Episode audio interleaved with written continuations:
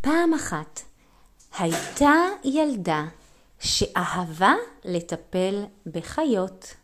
קראו לילדה הזאת דרור ליבי. היא אמנם הייתה רק בת חמש וחצי, אבל היא כבר ממש אהבה וידעה לטפל בחיות. ממש כמו דוקטור דוליטל. את מכירה את דוקטור דוליטל? ראינו את הסרט דוקטור דוליטל על רופא שהבין את כל השפה של החיות. וגם לדרור ליבי הבינה את שפת החיות. דרור ליבי גרה עם המשפחה שלה בבית, אבל הבית שלה לא היה בית רגיל. זה היה בית בתוך משאית. אמנם בית פצפון, פצפון, פצפון, אבל הכל היה קיים בו. בתוך המשאית גרו אבא, אמא נעמה ודרור ליבי ושני האחים הקטנים שלה, שקראו להם, לאחד קראו טוב מאיר, ולקטנצ'יק בן חצי שנה קראו אור שמחה. כל המשפחה גרה ביחד בתוך המשאית, ואתם יודעים למה הם גרו בתוך משאית? כי הם היו נוסעים בכל הארץ. יום אחד הם היו באילת, ויום אחד הם היו בגולן, ויום אחד הם היו... אנחנו עוברים לגור שם, בגולן. נכון, ויום אחד הם עברו בנתניה ליד החוף, ויום אחד הם היו ביער. וכל יום בבוקר אבא היה אומר, ילדים, לאן אנחנו נוסעים? ודרור ליבי הייתה אומרת, מה זאת אומרת? איזה שאלה? אנחנו ניסע לאן שיקראו לנו. לדרור ליבי היה ווקי טוקי מיוחד, שזה בעצם מכשיר קשר, שכל בוקר היו קוראים לה איפה שהיה צריך עזרה מחיות. בבוקר יום א', דרור ליבי קמה ושמעה במכשיר הקשר שלה את הקריאה הבאה: דרור ליבי, דרור ליבי, אה, יש צז ביער שצריך את העזרה שלך. אני כאן, אני מיד על זה. אתם יכולים להגיד לי באיזה יער? שאלה דרור ליבי. כן, הצב נמצא ביער בן שמן, קרה לו משהו לרגל. אנחנו כבר באים, אמרה דרור ליבי, ואבא שלה ישר נסע עם המשאית שלהם, שזה בעצם משאית בית, ליער בן שמן. כשהם הגיעו, חיכתה להם שם ילדה, שהחזיקה צב קטן, וראו שהיה לו כזה חתך קטן ברגל. וואו, דרור ליבי, מזל שהגעת. אנחנו כבר ממש ממש מחכים לך.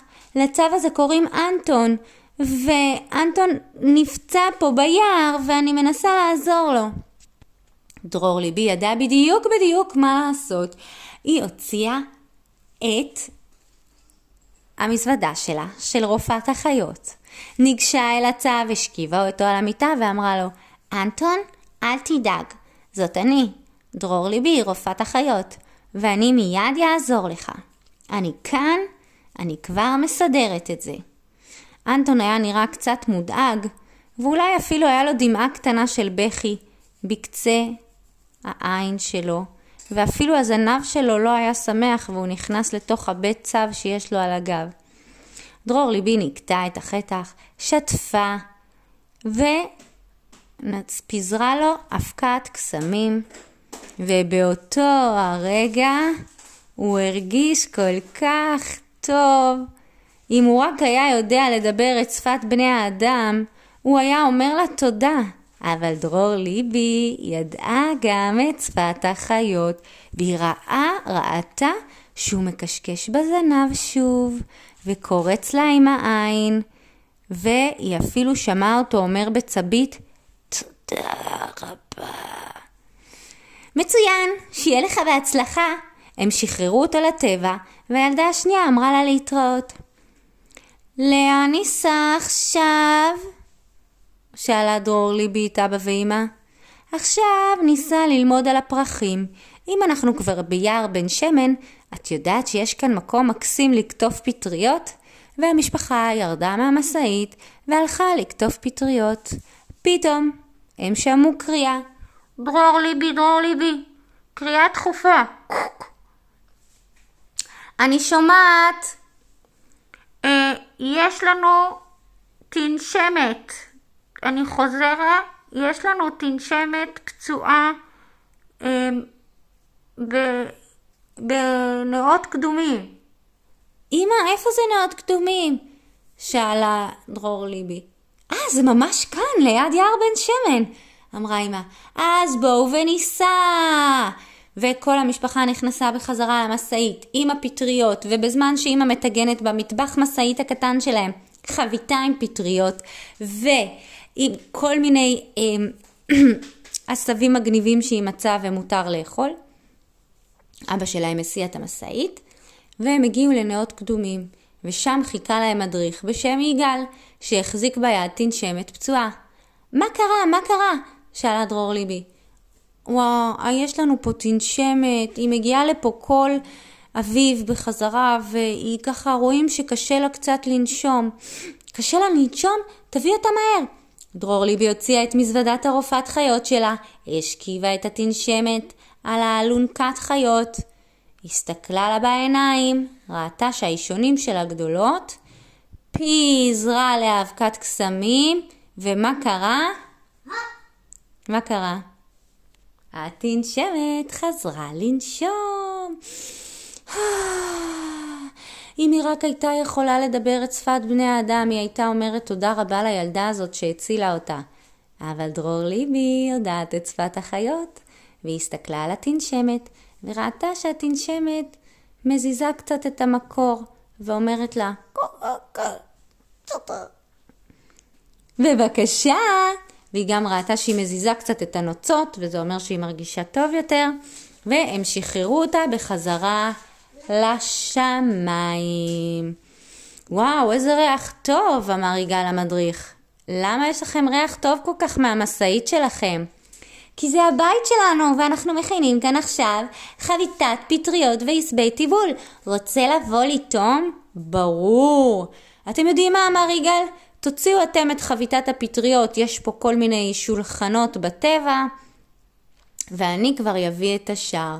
והוא הביא גבינות כבשים, חלב עיזים, והוא הביא אה, לחם טרי שהם עפו שמה, וכולם ישבו לאכול עד הקריאה הבאה.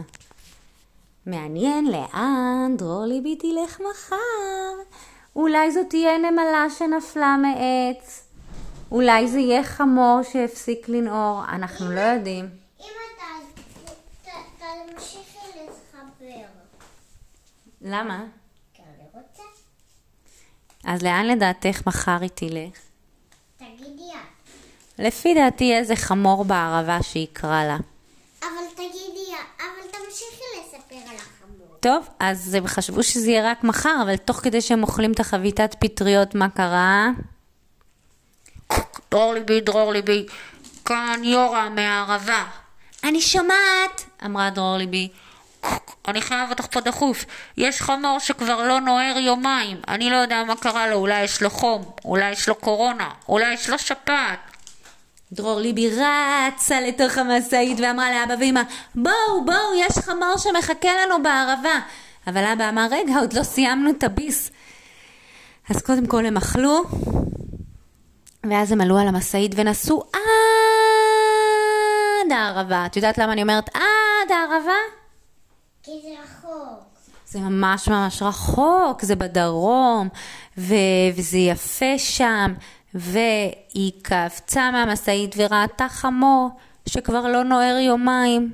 למה אתה לא נוער יומיים? היא שאלה אותו בשפת החמורים. כי אני עצוב, הוא ענה לה, ולאחרים זה היה נשמע כמו אה. למה אתה עצוב כל כך? כי, כי החמורה שאני אוהב, היא לקחו אותה מפה לכפר אחר. טוב, אני אדאג שיחזירו לך את החמורה שאתה אוהב, אמרה. והיא דאגה לזה, ויורם החזיר את החמורה שהוא אוהב, והחמור חזר לנעור. אז אם אתם רואים משאית קטנה עם ילדה גדולה, שקוראים לה דרור ליבי, ואם אתם רואים גם את שני האחים שלה, שקוראים להם טוב מאיר ואור שמחה, בתוך משאית בית שמטיילים מאילת ועד הגולן. ויש להם בתוך המשאית מטבח, סלון, אמבטיה וחדר שינה וכל מה שיש בבית רגיל, רק פצפון פצפוני.